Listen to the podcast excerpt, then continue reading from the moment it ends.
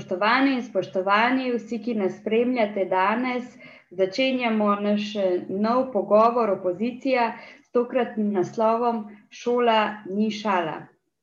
In sicer se bomo pogovarjali o tem, kako poteka šolanje na daljavo. Zbrali smo dve gostji in dva gosta, ki vsak lahko iz svojega vidika predstavijo, kako v praksi izgleda to šolanje na daljavo, kako se z njim soočamo, Eh, kaj se kaže, eh, in seveda bomo skušali dati tudi odgovore na nekatera, ali pa vsaj razmišljanja na nekatera vprašanja, ki nas vse eh, tarejo te, te dni. V pogovoru bodo z menoj danes sodelovali magistrica Jožica Frigel, profesorica razrednega pouka na Ljubljanski osnovni šoli, Um, docentka, doktorica Emilija Sojmenova Duh, raziskovalka in docentka na fakulteti za elektrotehniko v Ljubljani, uh, Jan Verovšek, uh, dijak četrtega letnika uh, Škofijske klasične gimnazije in pa uh, Luka Žižek, profesor uh, nemščine na uh, predmetni stopni v osnovni šoli na Ptuju. En lep uh, dober dan, en lep pozdrav. Eh, obema sogovornicama in sogovornikom. Eh, skušali smo zajeti eno pisano paleto tistih, ki se na različne načine in v različnih vlogah eh, soočate s tem šolanjem nadaljavo. In bi vas za začetek prosila, da kar gremo iz te um, prve vrste, naj tako temu rečem, torej vsaki svoje osebne izkušnje iz tiste vloge, Eh, ki jo upravlja, če mi lahko predstavite, kako poteka eh, iz vašega vidika to eh, šolanje, to izobraževanje nadaljavo, pa mogoče, če lahko naredite primerjavo tudi z marcem, torej s tem prvim valom, ko smo se prvič soočili s takim oblikom šola, s tako obliko šolanja in poučevanja in kako poteka zdaj. Pa bi začela kar z vami, gospa Jožica, um, kako, kako vi vidite in kako poteka pravzaprav vaš dan uh, z vašimi uh, učenci, ki so uh, razredna stopnja in so vendarle nekoliko specifični po temu, da niso navajeni to vrstnega dela toliko in ker poučujete angliščino, je jezik še toliko bolj zahtevna naloga poučevanja jezika nadaljava. Ker izvolite. Hvala lepa. Najprej se vam zahvaljujem za povabilo na to okroglo mizo. Z veseljem predstavljam svoje delo, ki je pravzaprav v teh razmerah zelo specifično. Uh, najprej bi za začetek bi pravzaprav rada povedala to, da učitelji nikakor, nikoli nismo bili izobraževani za poučevanje nadaljavo. In vse, kar zdaj počnemo, je zgolj uh, sad našeg, naših prizadevanj, da bi otrokom naredili to obdobje čim bolj zanimivo, čim bolj pestro, da ne bi čutili primankljajev v znanju, da bi se kljub vsemu, da situacija nikakor ni rožnata, počutili dobro, da bi se čutili sprejete, da bi poleg tiste vzgo, izobraževalne komponente pouka čutili tudi vse tisto, kar je pri pouku prav tako pomembno, od psihosocialnega razvoja do čustvenega in uh, sprejetosti, motivacije in tako dalje. Uh, kar se tiče samega pouka, moram reči, da smo spomladi, um, kako bi rekla, Eh, odkrivali vse na novo, učitelji smo se izobraževali v popoldnevih in tudi poznih nočeh, odkrivali smo Zoom, pa Jicimit, pa Arnesove spletne učilnice, da ne naštevam eh, tako naprej. Eh, potem smo junija bili seznanjeni, da se pravzaprav vse predstavlja na Microsoft Teams.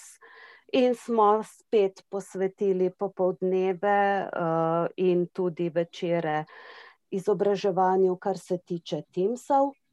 Uh, ampak to seveda ni noben problem. Problem je bil, največji problem je bil uh, poučiti učence za uporabo teh uh, orodij.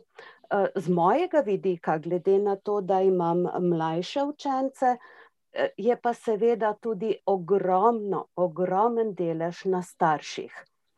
Uh, nikoli in nikdar ne smemo pozabiti, truda in prispevka staršev, ki ga vlagajo v to izobraževanje nadaljavo, kajti um, brez uh, njihovega konkretnega vložka, jaz mislim, da bi bilo to um, še bistveno slabše, kot je.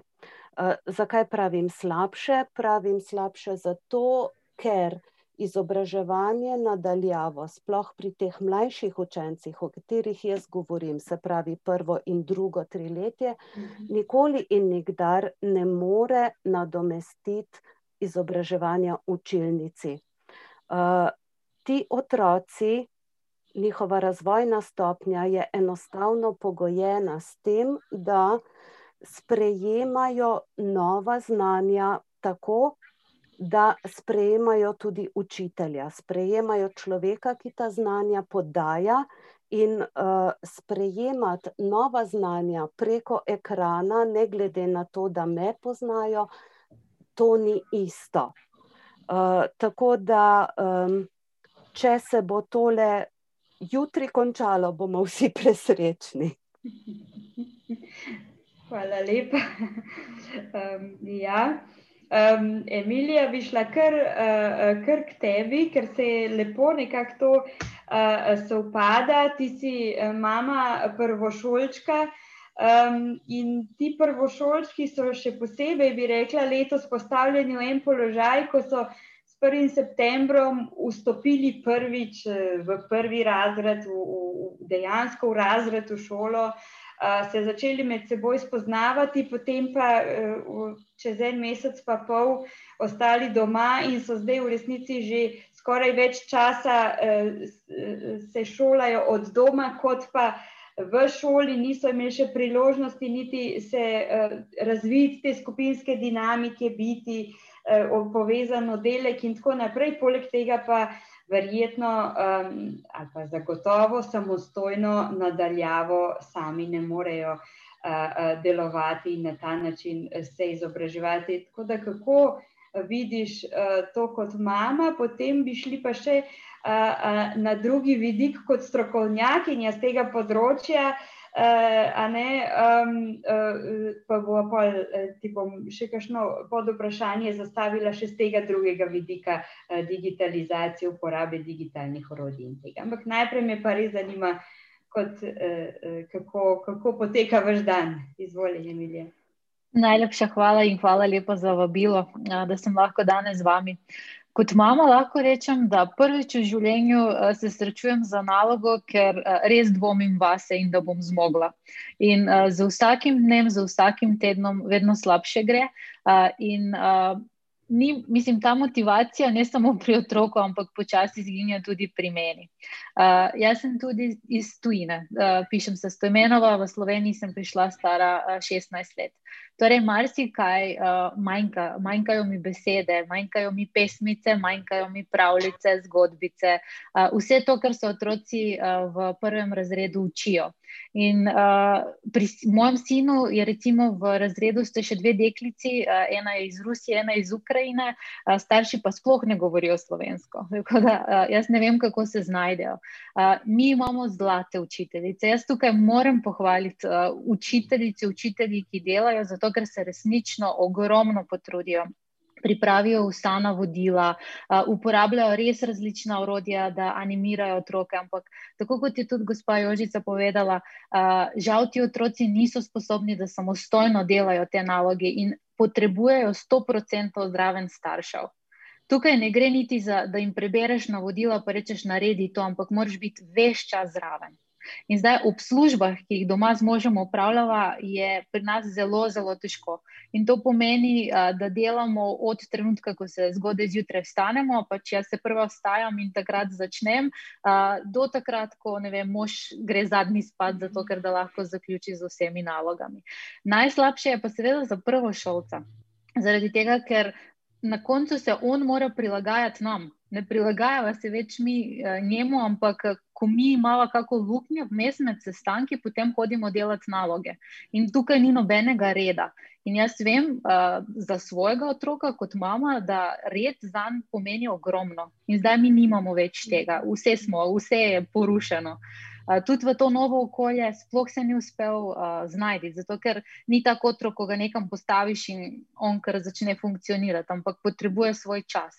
In učiteljici že na samem začetku smo imeli nekaj pogovorov, da pri tem otroku bo treba dosti delati na tem, in ko končno uh, je vzpostavil ta stik z okolico, z otroci, z učitelji, je zdaj spet več kot en mesec doma. Bi pa tukaj podarila še en vidik, namreč se imamo prvo šolca, ampak v naši družini imamo tudi dijakinjo prvega letnika. In čeprav bi človek rekel, da pri teh starejših otrocih pa mogoče ni takšen problem, sploh ni res, zato ker jaz opažam pri obeh otrocih enake stiske, pri dijakinji mogoče še večje, zaradi tega, ker ona zdaj začela v čist nekem novem okolju, sploh ni imela priložnost poznati svojih sošolcev, zato ker se je začela tudi šolati v drugem mestu in uh, naenkrat je postala sama. In zdaj ne pozna ne učiteljev, ne sošolcev, uh, že sama snov ne je drugačna, način izobraževanja uh, in se tukaj počuti zelo osamljena.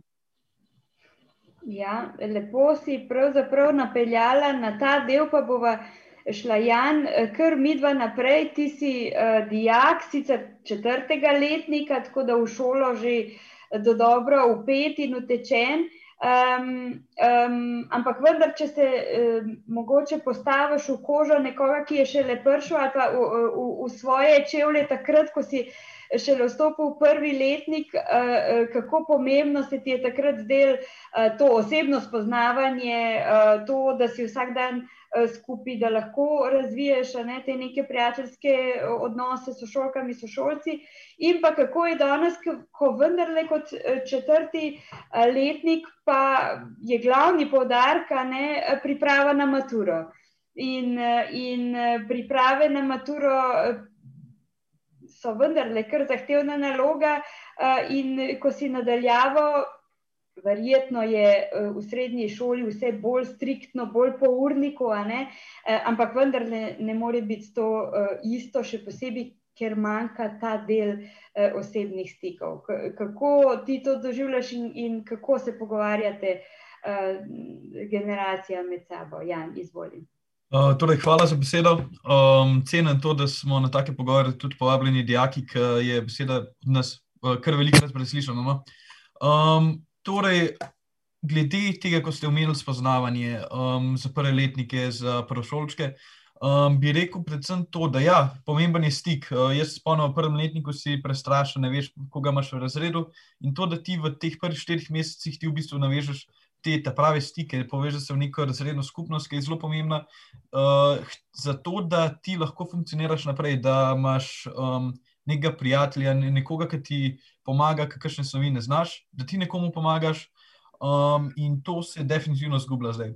Um, mi osebno stike ohranjamo prek Discorda, um, in med poukom smo tudi gori in si pomagamo, če kaj ne znamo. Um, Obenem pa tudi po pouku se veliko dobivamo, da ne izgubimo glih tega nekega osebnega stika. Um, ker jaz mislim, da v teh časih je to še kako pomembno, glede na to, da um, smo sami, da če ne um, imamo nekih zunanjih stikov, kot dijaki, ki smo večinoma po cel dan zaprti v hišah, um, nekako zgubiš um, en del, kako bi rekel, temu človečnosti. No, um, nekak, ja. um, in glede mature, ki ste omenili, um, vice, prvo kot prvo, to, da. Uh, ko sem bil na koncu tretjega letnika, ko je bil prvi val, smo imeli mi um, pouka na tedensko od 8 do 10 ur. Um, zdaj pa imamo mi teden v enem dnevu, ponavadi uh, v povprečju 6 ur. Um, in to se vidi tudi v tem, da ja, um, smo bolj utrujeni, oziroma jaz, pa tudi, kot sem se pogovarjal z mojimi prijatelji, um, je veliko težje spremljati pouk. Um, ko pogledaš normalno šolanje, um, je nek, neka rutina. Je. Um, in zdaj, ko smo mi presekali to rutino, ne vem, pa tudi to, seveda, ki imamo zaslone cel, cel čas pred očmi, um, mislim, da je kar nek, nek um, vpliv je naredi na nas, ko uh, teže mi spremljamo pouk. Um, in ja, no, jaz bi rekel, da je kar um, šolanje za maturo, še predvsem v teh časih, bo še kar zanimivo, tudi glede na to, da smo mi že v prvem valu kar precejšen del snovi izgubili na nek način s tem. Mm -hmm. Hvala lepa, Jan. Um, jaz priznam, ko, ko, ko tako razmišljam, se mi zdi, da bi mi bilo najbolj grozno, če bi bila zdaj stara 17 let. Pa 17 je zdaj metafora, ne? plus minus. Ampak uh, uh, da, da, da pri teh letih eh, moraš biti skozi doma, um, uh, skupaj s starši, lahko se umakneš v svojo sobo, ali niti to ne vsi. In to je ta tvoj svet, ko se ti zdi, da zgubljaš vsako minuto ogromno, ti si pa kar doma en dan, en teden, en mesec. Uh, vse, lahko so to osebni predsotki, ampak če se jaz preslikam v ta moja leta, ni bilo hujšega kot pač, uh, house arrest. No, in zdaj smo pač na tem državnem haosu, res v resnici. Um, Luka, še en učitelj, tudi jezika, nemščine, ampak uh, starejših, torej teh od eh, šestega do devetega razreda, uh, kjer um, verjetno lahko rečemo, da neke te osnovne veščine uh, že imajo, so že prej uporabljali vsaj Viber ali WhatsApp ali karkoli že TikTok gledajo in tako naprej. Ne? Torej ta neka komunikacija, neke te osnovne veščine imajo. Ampak um, kako je pa s koncentracijo, kako je s poukom, kako, kako to teče no? v teh uh, razredih? Ja, sprva najlepša hvala za povabilo. Uh, dosti sem pravzaprav od včeraj do danes razmišljal, kaj pravzaprav je pa tako hudo pozitivnega. Ne? Negativnih lastnosti lahko ogromno naštejemo. Ne? Ampak pozitivno, naprimer, ok, zdaj, če se uh, postavim uh, in gledam samo iz svoje perspektive, uh, je, da je lahko tudi pouk nadaljavo zanimiv, je lahko ustvarjalen. Tudi sam sem spoznal marsikero novo spletno stran za, po, za poučevanje mojega predmeta. Malo sem se tudi bolj eh, zverziral, kar se tiče pisanja na računalnik. Eh, prav tako, kot sem tudi pridobil neka nova računalniška znanja, od tega, da nisem nikoli prej slišal za, za eh, WhatsApp in za vse te novodobne zadeve. Uh, zato sem pa danes zjutraj vprašal svoje učence, kaj pa je njim najbolj pozitivnega, glede na to, da pač zdaj že toliko časa, že od marca, tako rekoč, razen zdaj teh par tednov premora, uh, delamo uh, nadaljavo. In kot izstopa so prvo streljili, ja, da lahko zjutraj gremo v pižami v šolo. Ne? Uh, to je bilo prvo, uh, se pravi, da se ne rabijo zjutraj obleči in urediti in se peljati v, v šolo, ampak da se pač lahko iz posle zbudijo in kar grejo za računalnik in so že tako rekoč šole. Ne? Druga zadeva uh, pa je, katero so tudi sami izpostavili, da si lahko uh, ta čas uh, do neke mere tudi sami razporedijo čez dan, ne? da imajo nek manevrski prostor, kdaj bojo kaj počeli.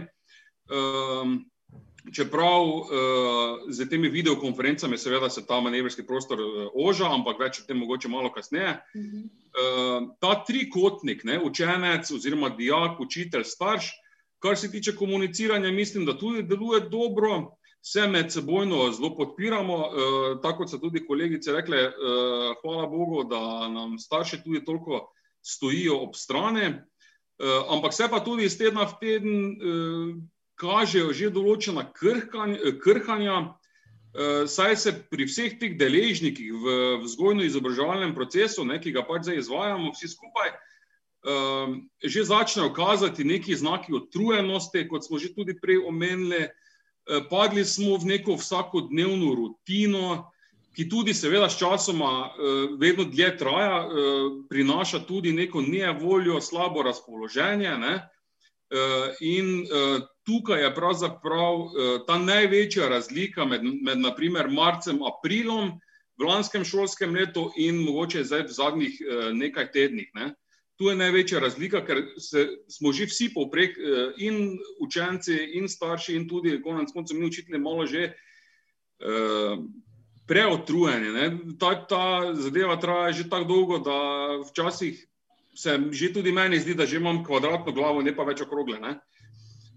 Zdaj, prej smo že omenili tudi pomankanje socialnega stika, to je zelo pomembna stvar. Tada, jaz upam in tudi nagovarjam včasih svoje učence, dajte tudi, eh, mogoče se vi med sabo včasih eh, vklopite malo, mogoče trije, štirje, pet skupaj, kjer se pač najbolj razumete, pa se malo pogovarjate, pa ne o šoli, dajte se pogovarjati o stvareh, ki mogoče vas morijo, eh, kaj pač počnete, da malo eh, dobivate tudi en od drugega kakšno idejo, ne, kaj bi lahko počeli. Ne. Ehm, je pa seveda absolutno delo nadaljavo stresno, je zahtevno za vse eh, udeležence. Ehm, težava je predvsem v zadnjem času, koliko ugotavljam, pritegniti učence k sodelovanju, se pravi, rabijo res več nekega motivacijskega uvoda ehm, in uh, tako da poučevanje res terja popolnoma drugačne pristope kot naprimer v živo.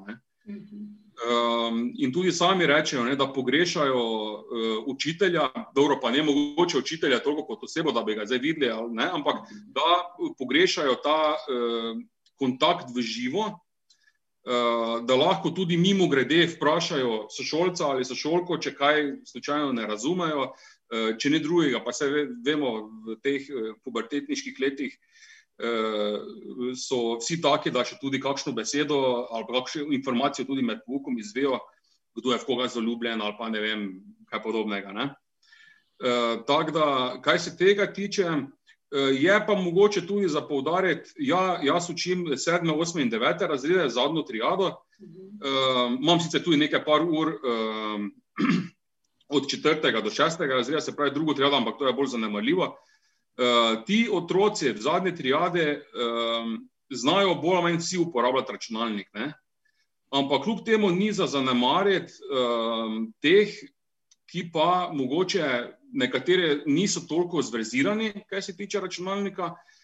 Um, pa tudi, konec koncev, približno 20%, to je zdaj na državni ravni, koliko sem zadnjič eh, nekje uh, zasledil, 20% um, učencev uh, si mora računalnik deliti z, se pravi, sorojenci oziroma z družinskimi člani. Ne?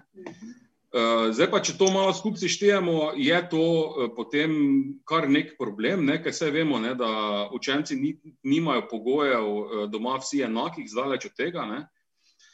Zdaj pa, če že tukaj prištejemo poleg um, to, da, ne, da večinoma staršev um, še vseeno, tako kot je prej uh, kolegica Emilija povedala, ne, še imajo službo, ali je to služba od doma ali hodijo fizično tudi v službo, eh, in da jim tudi starši v tem primeru ne morejo kaj veliko pomagati. Ne. Tudi nekateri starši, tudi konec koncev, eh, nimajo interesa. Sicer upam, da so redki, čim bolj redki, ampak eh, vredno, tudi verjetno takšne so. Predvsem pa sem zasledil zadnjič tudi en članek v, v medijih, Eh, ko se je ena ravnateljica eh, tu eh, naše širše okolice oglasila in sicer, da tudi kar se tiče internetne povezave, nismo vsi na, na enakem. Ne? Predvsem na periferiji se vidijo hudo velike, velike razlike. Če si ti doma, pa bom zdaj izpostavil recimo v centralnih halozah, ali pa si mogoče ki v mestu. To je zelo velika razlika. E, tudi nekateri otroci, vem, da hodijo k bližnjim sosedom, e, se šolati, tako rekoč. E, tako da to je tudi zelo pomembna zadeva. Pa še ena zadeva se mi zdi blazno pomembna, ki jo pa mogoče včasih malo celo pozabljamo. Ne? In to je, da tudi nekateri starši ne samo, da hodijo v službo, tako kot sem že prej povedal, ali pa da mogoče nimajo, uh, da jim primankuje interesa za eh, šolanje njihovih otrok, ampak eh, zelo dosti staršev uh, tudi niso dovolj izobraženi, da bi, da bi lahko pomagali ne, svojim otrokom. Uh, to najdemo tudi v mestu, še bolj pa se mi zdi na malo bolj na periferiji. Ne? Kaj bo zdaj uh, oče ali pa mama, ki je sam končal samo osnovno šolo, pomagal svojemu učencu, uh, ki je v osnovni šoli, ki je predmetnik popolnoma drugačen, učni pristopi uh, so čist drugačne, literatura je popolnoma drugačna, ne? učni načrti so, so svetlobna leta drugačne. Tako da tukaj. Mogoče tudi včasih malo zanemarjamo in tudi mogoče včasih malo mislimo, da ja, se bo že mogoče starš pomagal pri nekateri razlagi, uh, ampak uh, je, je problem ta tudi neizobraženost uh, staršev, ki bi jim želeli pomagati, ampak ne morejo. Ne? Uh, Hvala lepa, Luka. Ja. Eh, Velik, eh, zelo široko področje eh, smo zdaj odprli, ampak je izjemno pomembno. Um, najprej bom začela pri tehniki, potem bomo šli pa na, na, na te bolj psihosocialne uh, posledice, ki se že kažejo. Jaz se sprašujem in bojim, kaj še le bo, ne? ker se to, to se pa nalaga in se potem uh, uh, še z leti uh, uh, kaže. Uh, Um, uh, Emilija, tvoje strokovno področje je pravzaprav um, točno to.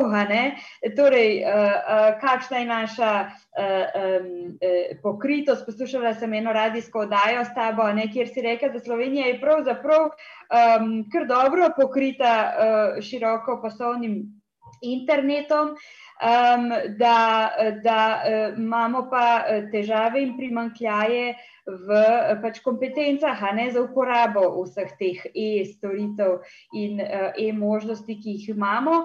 Zdaj pa, ko pa enkrat daš uh, vse in ne, uh, torej vsi šolajoči so kar. Uh, Vsa populacija izvedika, da je pokritost po Sloveniji celotna, ne, ker povsod se najde nekdo, uh, ki hodi v šolo. Torej, ko pa vse to daš skupaj, pa vendarle vidimo, da imamo tudi v pokritosti sive lise, da se dogaja, ne, da, da so prekinitve že pri nas doma, naprimer, torej mi smo v mestu, eh, mi smo v bloku, ki ima široko pasovno povezavo, eh, pa vendarle moram približno dvakrat do trikrat na teden resetirati ne, sistem, ker pač piše, nimate internetne povezave. Eh, in zdaj starejšega bi lahko to naučila, ampak je treba nekaj splezati in je malo komplicirano, ne, če ne bi bila jaz tudi od doma, mlajši pa verjetno sam si ne bi znal tega zresetirati. Uh, vsaj uh, parkrat na začetku bi zagotovo bili klici in jaz to ne bom in ne, norenje, kot temu rečemo. Ne.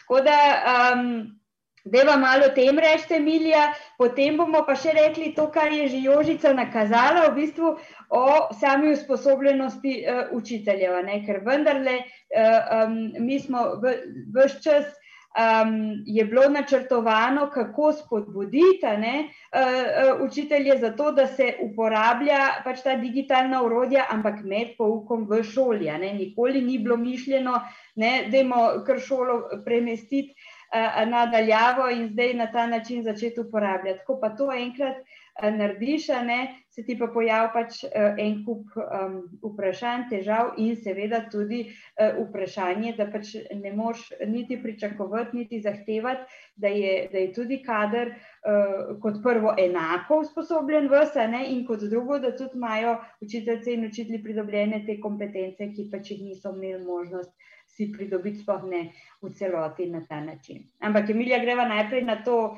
pokritost, pa tudi pol malo na kompetence, ker se tudi s tem ukvarjaš. Super, hvala lepa. Odlično vprašanje. Ja, jaz vedno rečem, da Slovenija je med boljše pokritimi državami za široko poslovnim internetom, ampak to še daleč ne pomeni, da imamo pa stoprocentno uh, pokritost v Sloveniji, ker tega nimamo. In ravno zaradi tega smo mi tudi uh, v našem digitalno-inovacijskem stičišču naredili eno orodje, ker vsaka občina lahko vidite, kakšna je pokritost in uh, koliko je tudi ta široko poslovna povezava ali sploh obstaja. Zato, ker je bilo omenjeno, recimo, lahko se zgodi, da v istem trenutku ena družina štirje imajo videokonference. To ne pomeni, če imamo internet, da smo lahko vsi štirje na uh, tej povezavi. Uh, tako da tudi to je pomembno. Samo dostop do interneta ne pomeni, da zna prenesti vse te potrebe, ki jih mi trenutno imamo. Jaz živim v centru mesta, ampak še zmeraj, kdaj uh, mi pade internet, pa padem iz kakega sestanka. Uh, in uh, če pa gremo v ruralnih področjih, in zdaj uh, gospod Vuka je že omenil, to je del Slovenije, ki ima največje težave z uh, pokritostjo z internetom, uh, od Ptuja proti meji. Uh, so te rdeče točke, uh, ker uh, enostavno je ogromno ljudi, tudi Koroška ali pa recimo recimo ta uh, zahodni del Slovenije, uh, severna primorska, tudi obstaja kar nekaj takih področji, uh, ki potrebujejo interneta. Uh, zdaj, glede digitalnih kompetenc. Zapomnila sem si, gospod Jožica je povedala, učitelji nismo bili usposabljeni za delo nadaljavo. To je res, in tudi starši niso bili usposabljeni za delo nadaljavo. Pri marsikomu velja prepričanje, če znamo uporabljati mobilni telefon, če znamo uporabljati računalnik, da brskam po internetu, da grem na Facebook, da grem na Twitter, potem sem jaz digitalno pismen. Daleč od tega. To ne pomeni, to pomeni, da znaš, uh, da konzumiraš te stvari, ne znaš pa uporabljati ta orodja, da lahko nekaj narediš. Takrat postaneš šele digitalno pismen. In pri digitalni pismenosti v Sloveniji smo pa zelo slabi. Mi nimamo niti teh osnovnih digitalnih kompetenc. Mi pozabljamo tudi na te um, stvari, recimo varnosti v internetu. In zdaj, ko so otroci toliko izpostavljeni na spletu, potem me resno skrbi in uh, me preseneča, da se še nihče ne ukvarja s tem. Mi kar otroke puščamo na splet ne? in to tistim, ta najmlajši. Uh, zato je meni tudi strah, da jaz otroka pustim samega za računalnikom, ker ne vem, kaj se lahko zgodi. Ne? Uh, ker ne vem, kdo ga lahko začne nagovarjati in lahko, kakšne vsebine lahko uh, začne konzumirati uh, pri tem. Uh, tako da pri teh uh, digitalnih kompetencah tudi težko je pričakovati, da naši učitelji so eni od učiteljev, ki so bili najmanj pripravljeni pripravljeni, da uporabljajo informacijsko-komunikacijskih tehnologij znotraj uh, učnega procesa. Da so pa mogli čez noč, vsi so mogli iti na tem. In uh, vsi so različni, seveda, ni se takoj prilagodijo in začnejo, ampak niso vsi pripravljeni, da se prilagajajo. Mi smo lani, točno eno leto je, ko smo začeli uh, za eno inicijativo uh, računalnik v vsak vrtec. Jaz sem dobila toliko negativnih odzivov, da kaj narobe z mano, da jaz zdaj želim še vrtce uničiti za informacijsko-komunikacijske tehnologije, še pri teh najmlajših. Zaradi tega, ker običajno ljudje vidijo informacijsko-komunikacijske tehnologije samo za spremljanje, za konzumacijo nekih vsebin, torej ne da se tudi učijo. In To nam pove o prepričanju, kako mi razumemo te nove tehnologije. Pa še nekaj bi povdarila. Meni se zdi tudi uh, neverjetno, da odločevalci, tisti, ki so nas uh, zaprli v domovih in uh, ki so poskrbeli za to šolanje nadaljavo, v devetih mesecih niso naredili popolnoma nič zato da bi lahko državni zbor, vlada, strokovna telesa, da bi začeli delati nadaljavo. Oziroma, da bi naredili nekaj na tem, da lahko vsi, ki to lahko naredimo, eh, delamo nadaljavo, da nam ustvarijo te pogoje, torej da ne prihaja do teh okužb. Tisti, ta najmlajši, najbolj ranljivejši otroci, recimo, ki to nujno potrebujejo, jih nihče ni vprašal, oni so se mogli pa takoj prilagoditi, ne glede na njihovih kompetenci, ne glede na to, ali imajo orodja, ali imajo tehnologijo, ali imajo opremo doma. Ja, zelo eh, dobra opaska. Um, Jožica, vi ste uh, omenili to usposobljenost učiteljev, Luka tudi um, v bistvu usposobljenost staršev. Um, ko se soočamo um, zdaj s tem, da ni več potrebno uh, kot učitelj samo uh, obvladati um, um, didaktiko, obvladati svojo snov, obvladati ne, um, nekatere mehke pristope, da jim temu tako reči, pa kot starš, a ne pač vzgajati otroka, mu postavljati neke meje, ga ne spodbujati, ampak moraš. In če mu hočeš pomagati pri šoli, da vendarle vladaš malo vsebine, ali pa imaš stisko, če si jo že pozabil, ali pa če nisi nikoli osvojil. Zdaj se soočamo še z enim izzivom, da je lepo reči, da moraš obvladati tudi tehniko. E, torej, trčiš ob. E, e, Na kaj hočem zdaj pripeljati, na te razlike med otroki. Meni se zdi vloga šole, jaz resnično verjamem v to, da je ena velikih vlog šole to, da poskuša poskuša otroku, vsakemu otroku znižati tiste ovire, ki jih prinese sabo od doma, in poskuša izenačiti možnosti za vsakega otroka. Uporabljam te besede, poskuša in to, ker pač, ne, to je trud, to je namera, to je usmerjeno šole, ki bi morala biti. Um, s tem situacijo, v kateri smo danes, se pa te razlike imamo pač idealne predpogoje, ne, zato da se te razlike povečujejo in uh, um, da se bojo potem še bolj, še bolj pokazale. Torej, zdaj je otrok izrazito odvisen od tega, um, kakšne možnosti ima doma, od teh, od opreme, do usposobljenosti staršev in tehnične in vsebinske in od časa staršev. Če, če uh, izuzamem voljo, pa naravnanost, pa druge razmere, ki um, sicer za en manjši delež, ampak vsak otrok je pač otrok preveč, če se mu dogajajo, uh, če ima nespodbudno okolje doma. Ne? Uh, torej, če vse to damo na kup, um, ni prav spodbudno no, za prihodnost. Uh, gospa Jožica, uh, um, um, a že vidite, oziroma a, a lahko že slutimo te posledice, da se bojo pač kazale, ne, da bojo razlike dejansko med otroki se povečevale. In da, bo, um, da, da ne bomo mogli potem v istem času, kot zdaj traja, ali pa bo trajal, upajmo, da čim manj, eh, pač ta lockdown, odpraviti te posledice in prijeti vsaj nazaj na tisto raven, na kateri smo bili, recimo, lansko leto. Um, jaz sem prepričana, da se, da se v bistvu posledice um, oziroma razlike iz dneva v dan samo še povečujejo. Um, moram kar mečkaj nazaj posešti. Uh, nedavno smo mogoče cel teden poslušali po televiziji, kako se državni zbor pripravlja na prvo zasedanje nadaljavo. Meni je bilo to naravno smešno, kajti učitelji in učenci smo to v mesecu marcu naredili brez kakršnega rompompoma. S pomočjo staršev, seveda, tega nikoli ne smemo pozabiti, ampak vzpostavili smo stik in smo se potem tudi redno srečevali. Drug grozljiv podatek mi je, da v bistvu 1100 otrok nima dostopa do interneta. Mi smo teh 1100 otrok uh, enostavno pozabili, ne vem, kaj je to, kolateralna škoda ali kam, kam bomo to pripisali, nimam pojma. Uh, jaz ne morem reči, da se mi zdi to pravično, da rečemo, korona je za to kriva, otroci so naši. Vsi so naši, za vse je potrebno uh, enako poskrbeti, pravzaprav nam zakon to nalaga, enake možnosti za vse.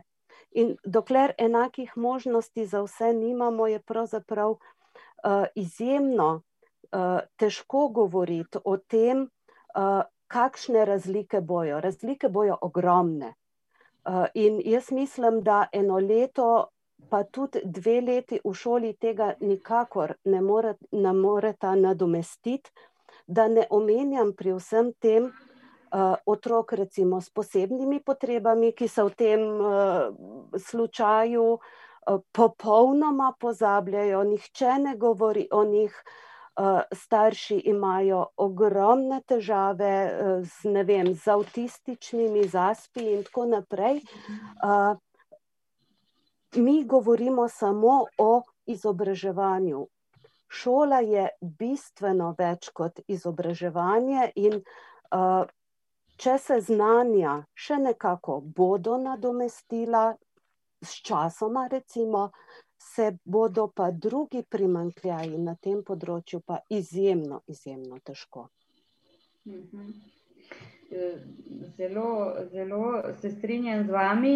Um, um, to je bilo tudi eno od uh, novinarskih vprašanj, ki smo jih dobili, zdaj vmes me dodajo, kakšne bodo posledice in kako je z razlikami. Drugo vprašanje, ki se seveda postavlja v vse čas in je tudi prišlo uh, strani STA-ja, uh, pa si ga vsi zastavljamo, tudi je veliko polemike v javnosti in jutri naj bi bilo znano tudi stališče ministerstva, to pa je ocenjevanje. Um, pa bom oba vprašala, mogoče najprej Luka, potem Jožica. Um, na vse to, kar smo zdaj povedali, na vse te posledice, na vsa ta različna izhodišča, zdaj pridemo do tega, da je treba dati oceno. In ocene so pač že od tretjega razreda dalje, a ne. Um, kakšno, kakšno je vajno stališče v bistvu um, um, glede tega ocenjevanja, tudi te predlogi, ki so bili od strokovnega sveta, gredo v smer, da se vendarle um, um, ali ocenjevanje nadaljavo ne izvaja, oziroma izvaja samo tam, kjer si prepričan na tak način, da, da lahko dejansko ugotoviš uh, znanje, in predlog je tudi, da ne bo samo eno ocenjevalno obdobje, uh, zato da pa če manjše število ocen, da ni tega pritiska. Luka, najprej, uh, kakšno je tvoje mnenje glede tega? Ja, veliko je že kolegica Jožica povedala, nekaterih stvari, ki sem jih tudi jaz mislil omeniti. Pa zdaj, naprimer, če začnem prvo z videokonferencami, ker tudi prek videokonference ponavadi ustne ocene pridobivajo. Uh, jaz, nek velik pristaš videokonferenc, iskreno rečeno, da nisem. Uh, ko sem slišal tudi določeno število otrok, ki sicer ne hodijo na našo šolo, ampak so tukaj v bližini doma. Eh, to, da imajo po tri, štiri, včasih celo pet videokonferenc, eno za drugo, in to videokonferenca, ki traja 45 minut, to se meni niti približno ne zdi prav.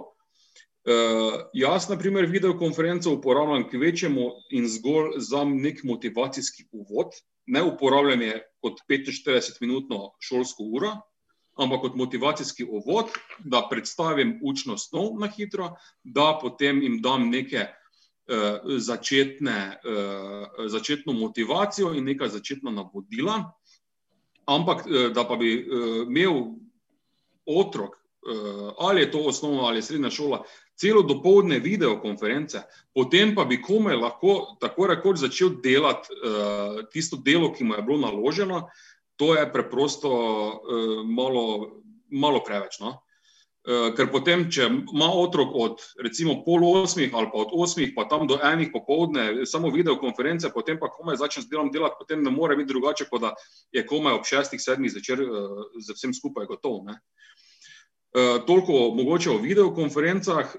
Kaj se tiče ocenjevanja in te ideje, kaj je zdaj padla, ja, podpiram v teh izrednih razmerah, se mi zdi prav, da bi mogoče res razmislili o tem, da bi naredili eno ocenjevalno konferenco, uh, ker še vedno imamo potem malo več manevrskega prostora, s katerim si lahko pridobimo mogoče eh, nek določen čas, da to učno osnov, ki jo zdaj delamo nadaljavo, da jo lahko tudi utrdimo, ponovimo, da vidimo konec koncu ta končni feedback, ali razumejo učno osnov ali ne razumejo. Eh, tako da eh, to, kar se tega tiče, eh, se mi zdi kar ideja na, na mesto. Tudi ideja, ki je bila pred kratkim izpostavljena strani mladih, zdaj ne vem točno, katera zadeva je, mislim, katera organizacija je to bila, ampak da so mladi dali tudi sami to idejo, da bi ne samo zmanjševali število ocen, ampak tudi, da bi za letos in za v prihodnje, ker letos bo mogoče malo teže, eh, v prihodnje razmišljali o, um, o tem, da bi se učni načrti malo skrčili, da bi določene snovi uh, učne dali v stran, ali pa da bi jih mogoče malo vsaj bolj površinsko vzeli v šole. Ker konec koncev, zdaj, da ne bom ravno iz svojega predmeta, bom eno zadevo izpostavil, ki me je zadnjič malo šokirala. Uh, ko sem prišel v deveti razred uh, nadomeščati uro biologije uh, in sem videl, kakšne stvari se učijo, ne? da se učijo o, o sestavi celic, da se učijo o uh, genetike. Mislim, da to v osnovno šolo preprosto ne sode. Uh, da je to mogoče Eh, res malo preširoko zastavljeno. Eh, tako da jaz tudi to idejo mladih eh, podpiram. Se mi zdi bolj pomembno, zdaj, če se že pogovarjamo o osnovni šoli, da imajo otroci tisto osnovo res, tako malo po domači povedano, spiljeno, da točno vejo, kaj je kaj, ne da se potem po eni strani pri biologiji učijo, tako kot sem rekel, v genetiki, pa v sestavi celic, po drugi strani pa ne vejo razlike med, je zim, bukvo in hrastom. Ne? Mogoče malo banaliziram, ampak nekako v tem kontekstu. No? Tako da podpiram tudi to idejo, obe dve ideje, In mislim, da je zdaj ravno pravi čas, da bi lahko mogoče razmišljali tudi o eh, neki reorganizaciji eh, določenih učnih načrtov, kurikulumom, eh, ki bi tudi lahko mogoče v prihodnje nam bolj, bolj služilo za boljšo kvaliteto, ne samo kvantiteto, ampak za boljšo kvaliteto znanja.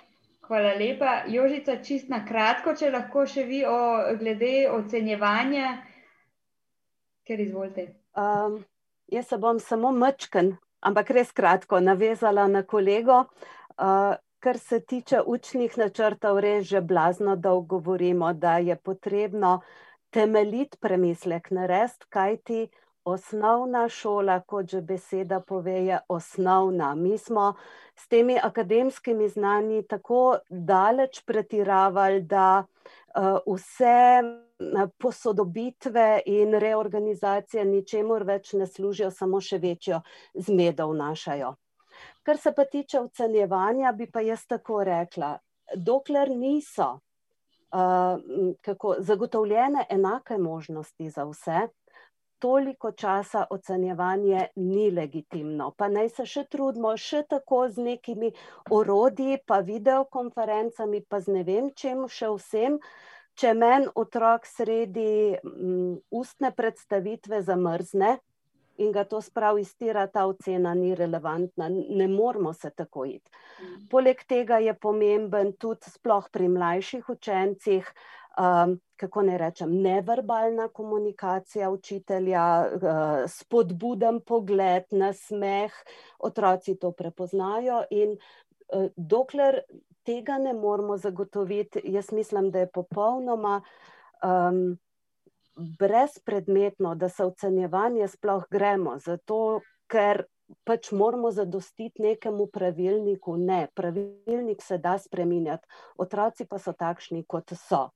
Uh, poleg tega bi uh, omenila še to, da v uh, spomladi, uh, ko je nasta, uh, po končanem mm. izobraževanju nadaljavo, uh, je nastalo kup nekih raziskav. Uh, državna, o kateri smo marsikaj slišali, poleg tega smo tudi vse šole, uh, interne raziskave raziskave izvedle, in vse te raziskave so pokazale, da je v bistvu najšipkejša točka izobraževanja nadaljavo je bilo ravno ocenjevanje. Ni bilo ne objektivno, ne pravično.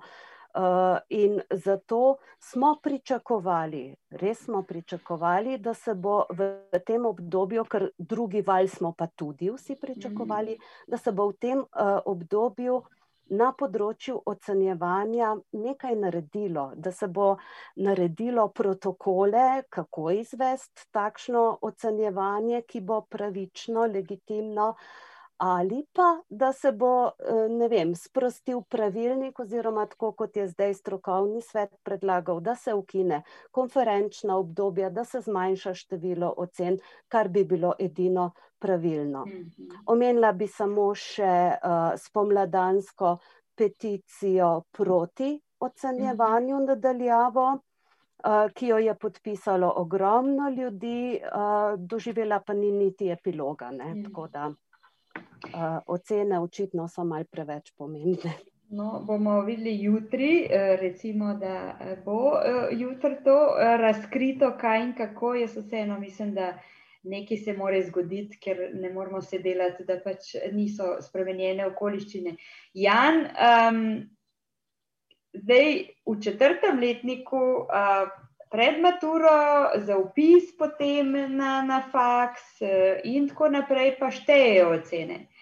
Uh, kako ti pa tvoji v bistvu um, kolegi, kolegice gledate zdaj na to, kakšno je vaše stališče, stališče dijako ali pa tvoje osebno stališče, ne, da te ne bom zdaj kar posplošila na celo generacijo. uh, glede tega. In imate vi že v tem času, ker zdaj je vendarle že en mesec, ne, kar je nadaljavo za srednje šole, uh, pouk, uh, a, a ste imeli že v tem času ocenjevanje, kako to zgleda in kaj ti misliš, da bi bilo najbolj fair pravzaprav narediti? Uh, ja, torej, um, Vice, da smo v četrtem letniku, kot sem že rekel, ne samo po obsegu, koliko imamo ur, pa koliko snovi vzamemo prek, eh, čez karanteno, ampak tudi po ocenjevanjih.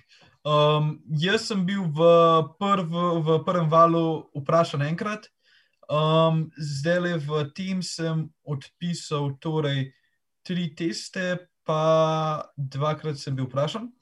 In um, je. Um, Prva stvar, ki bi jo rad podaril, je tukaj prostora za goljufanje. Pač, da ti pravično oceno dobiš iz, preko videokonference z učiteljem. Jaz mislim, da je to, ali pa za profesor, jaz mislim, da je to kar težka naloga. No? Um, zato lahko tudi nekako razumem tisto učiteljico, ki je bila v medijih, no? ki je naročila uh, svojemu učencu, da da masko, če se če, kako je to tako, dokler dokaj nečloveško dejanje, pač razumem ta stres, kakšno, če bo ta ocena neka prava ocena, če bo izkazal nek, nek znanje učenca, dijaka, ker na koncu koncev mi imamo maturo. Matura pa, mature, pa, maturi pa malo težje plankaš. No? In um, bi to, da te učitelj nekako objektivno ocen, pomeni, da imaš ti tudi neko pogled v to, kako boš ti bil pri maturi. Um, in um, tudi zato imamo mi pri maturitetnih predmetih dele veliko testov, ampak um, ne vem, če pri vseh um, to kaže ta prav znanje. Um, tako da, ja, um, pa tudi z maturo, pa naprej je dosti stresno za dijake, tako je bilo že v prvem valu za maturanti prejšnjega leta, ker ne vemo, kaj bo. Uh, le, to leto, naprimer, pri matematiki, še mislili, da je dodatno polo brez kalkulatorja, prvič, kot mi vemo, vsaj um, v zgodovini. In to, da ima še ta dodaten stres, še ene dodatne pole brez pripomočka, ki je pri matematiki za nekatere dejake dosti pomemben, mislim, da je um, kar eden od velikih faktorjev, da smo maturanti zaskrbljeni, da ne vemo, kako bo naprej. No. A se ti zdi možno, ker eh, nekateri predlogi so bili, da bi recimo eh, bilo možno eh, teste hoditi pisati pa na šolo? Ker, je, ker pač, ne, če pridejo samo tisti, ki pišejo, je tam možno narediti jih manj v, v, v razred, večje razdalje ali naročiti v treh skupinah, da pridejo, skratka, da se te ukrepi eh, spoštujejo, pa vendar je nekako bolj fair, ker so vsi tam, ker je na isti način se piše, kot bi se drugače in ni tega, ne, zdaj kako si ti narediš tam doma okoliščine. Uh, a se ti zdi to možno? Ne vem. Ja, um, pametno. No? Ja, jaz pregledam predvsem stališča um, moje šole, ki je kar velik del dijakov živi v dijaškem domu. In to, da bi dijak prišel pisati za eno uro, en test, ker vemo, da pač dveh testov v enem dnevu pisati je grozen, in da bi ti prišel za eno uro, naprimer v Ljubljano, um, iz uh, novega mesta, no, mislim, da je to kar en strošek, pa tudi um, čez zapravljen. Um, pa tudi to, da meni se bolj zdi rešitev ta, zakaj mi ne moramo iti v šole, če so prejšnjo leto lahko samo motoranti šli v šole. To, v tem jaz ne vidim nobene logike, ker kapacitete dijaškega doma so takšne, da nas lahko dajo noter, če koliko smo bili zdaj tako razporejeni, da smo bili največ po dva sobi in da smo si pač imeli neko osebno razdaljo.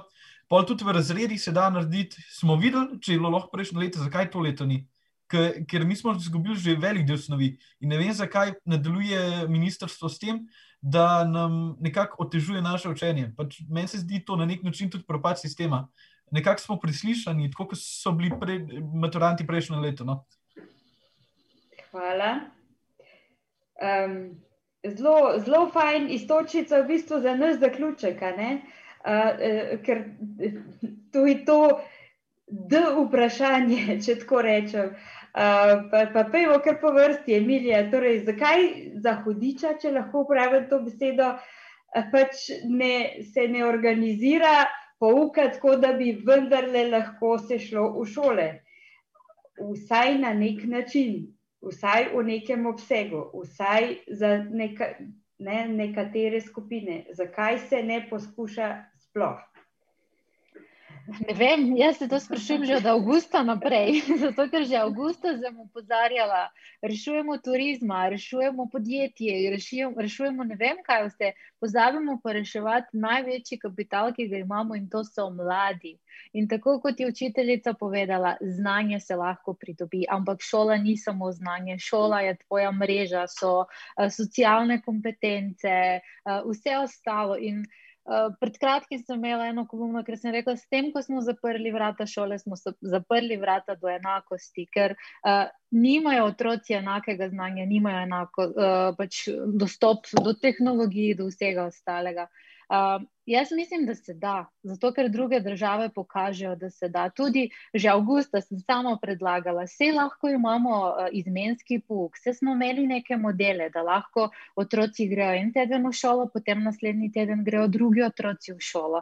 Vse se lahko da uporabiti na domestne prostore, vse jih imamo veliko, spet jih ni tako malo. Potem je bilo, uh, zakaj, da nimamo dovolj kadrov. Ni res, vse pa imamo tudi recimo študenti, ki bi se z veseljem pridružili, pa bi prišli priskočili na pomoč, pa bi pomagali. Pa sem prepričana, da je precej lažje vključiti v sistem upokojene učitelje in učiteljice, kot pa upokojene zdravnike in zdravnice v zdravstvenem sistemu. Zakaj recimo ne naredimo tega?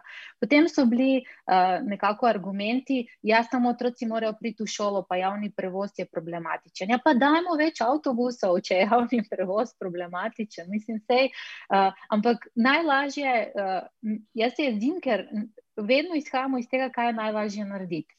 In najlažje je zapreti in prepustiti odgovornost na nekoga drugega. Rešitve so, obstajajo, druge države so pokazale. In zakaj, če nekaj deluje v Nemčiji, v, ne vem, na Nizozemskem, na Švedskem, na Finskem, kjerkoli, zakaj za vraga ne bi delovalo tudi pri nas? Uh, sem govorila s prijatelji, uh, ki so se priselili na Norveškem.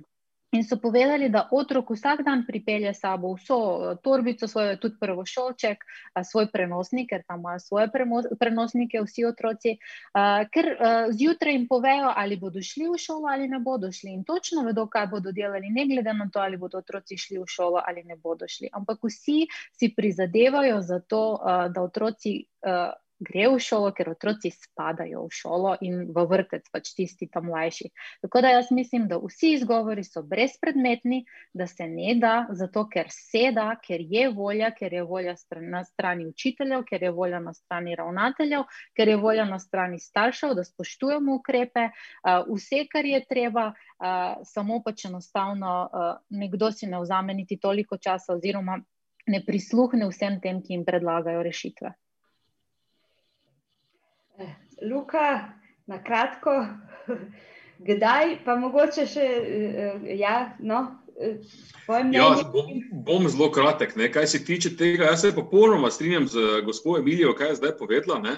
Lahko konec koncev tudi uh, prekopiramo, si najdemo kakšno idejo, uh, kak bi lahko, če ne drugega, če ne drugače, vsaj prvo triado spravili v šole ko so najbolj uh, potrebni tega socialnega stika, in uh, tako naprej. Uh, za prvo triado sem pre, prepričan, da bi uh, bilo ne samo pametno, ampak tudi izvedljivo, da bi uh, šli nazaj v šolo.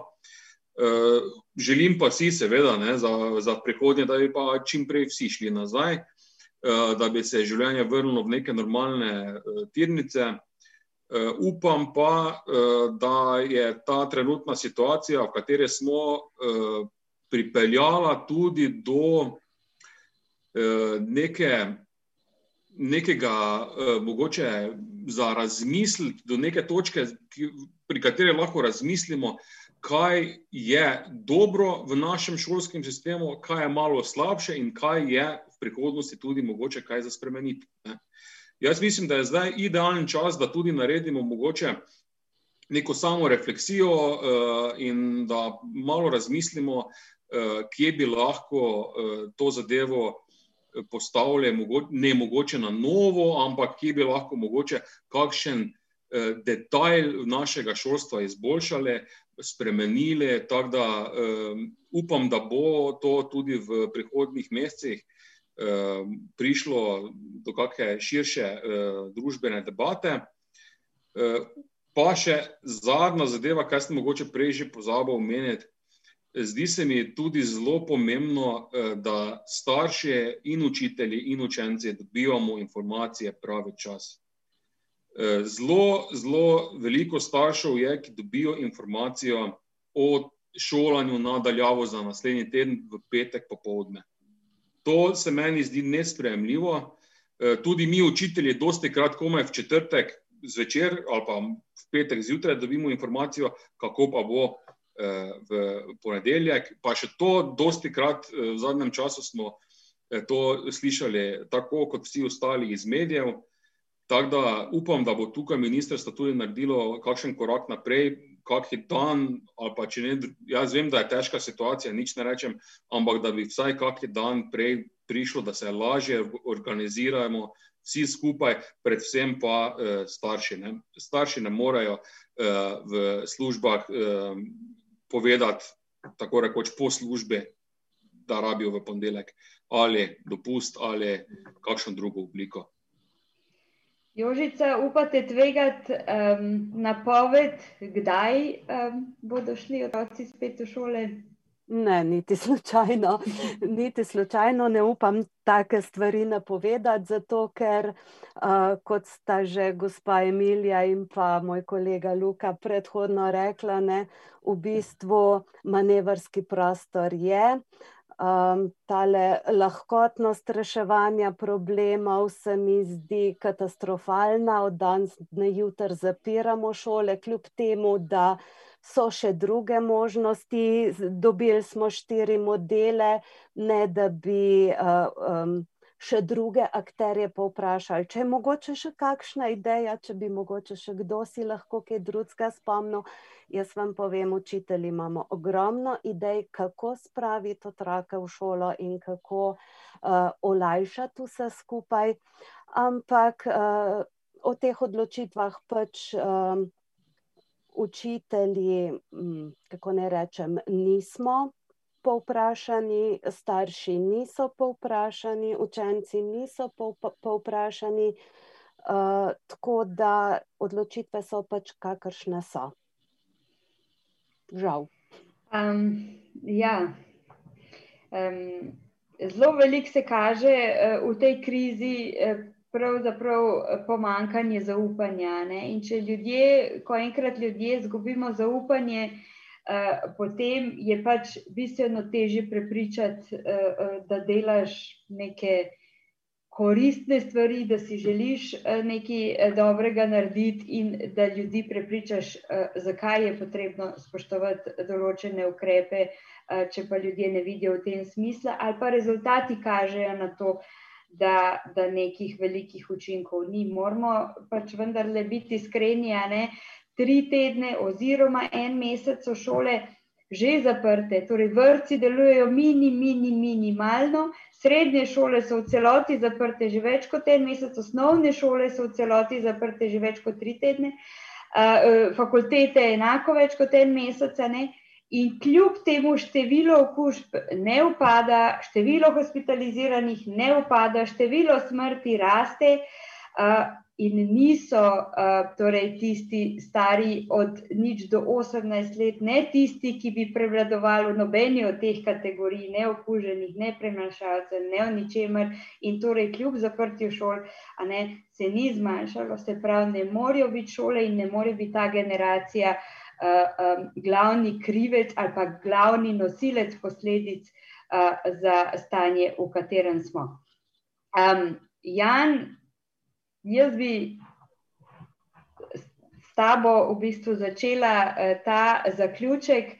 Um, rekel si enkrat vmes med pogovorom, ali pa že bolj na začetku, da si vesel, v bistvu, da, da si uh, vključen, zato ker se vas premalo sprašuje. Uh, Um, pred kratkim smo imeli 20. Um, novembra, je bil Mednarodni dan otrok In um, Slovenija je uh, po teh uh, kazalnik oziroma, kazalnikih oziroma zavezah, ki jih mora uresničevati v okviru konvencije o otrokovih pravicah, najslabša ravno na področju participacije otrok, mladih na splošno, torej vsi do 18. leta tukaj štejejo.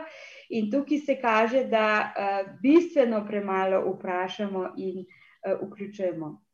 Eh, ker si bil ti aktiven tudi eh, v diaški organizaciji, ne, torej ste organizirani, ste povezani, a bi si želel, da vas kdo kaj zares vpraša, preden se določene stvari sprejmejo in a verjameš, da bi stvari bolje tekle, če bi bili vključeni v to soodločanje, so predlaganje, zato ker vendarle ko zase govoriš stvari, najbolj, najbrž, najbolj veš, kako si želiš, da bi bilo in kako bi ti najbolj uh, učinkovalo. Um, ja, res je. Um, kot sem že rekel, mladi smo preveč vključeni, premalo vključeni. Um, in ja, um, glede diaške organizacije.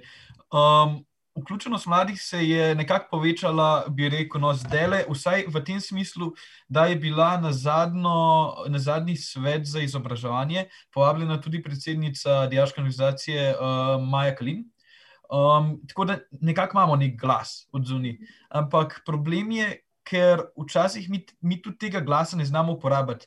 Kot ste rekli, najbolj veš, kar je dobro za te, ampak problem je, ker v mladostniških letih veš, kar je, kaj je dobro za te, ampak to za starejše ni. Če pogledaš iz oči, če bi jaz pogledal 20 let naprej, bom so, ko svoje oči gledal, kaj sem delal v srednji šoli, pa kaj sem si mislil, po mojem, da se ne bom glisterini sam sabo. No?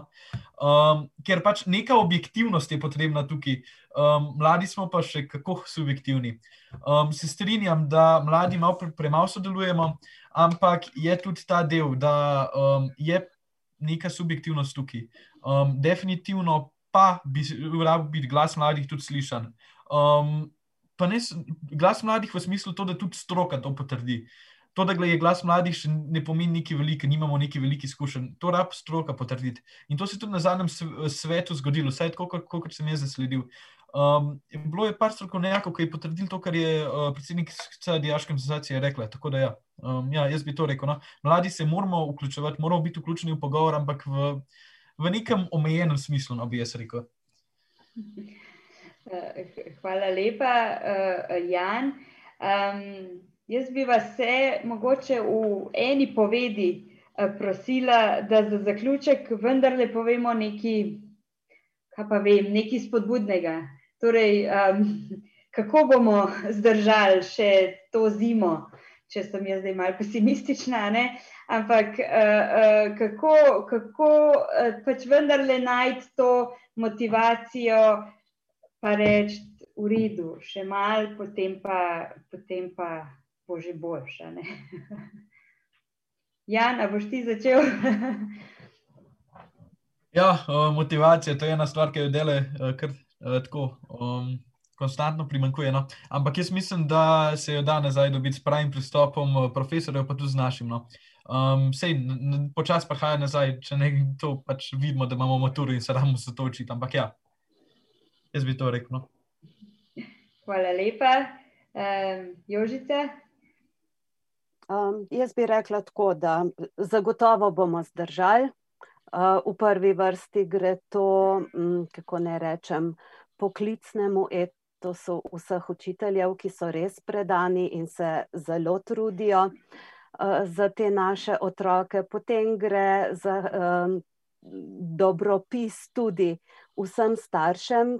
Jaz uh, imam fantastične izkušnje z vsemi starši, ki se res uh, vključujejo po svojih najboljših močeh. Uh, in pa seveda vsem otrokom. Otroci so pa itak tisti, ki nas uh, kako ne rečem, spodbujajo, ki so našo, naše gonilo. Tako da uh, bomo zmogli, res pa je, da bi lahko zmogli tudi na drugačen način. Hvala lepa, Luka.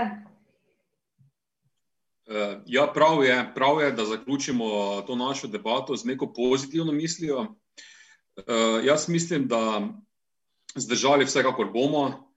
Uh, upam, da bomo čim prej se vrnili v šole, uh, če ne drugače, pa takrat, ko se bomo spet srečali v učilnicah ali v zbornicah, kakorkoli, da bo takrat srečanje naše bolj sladko, da se bomo takrat razveselili en drugega iz srca.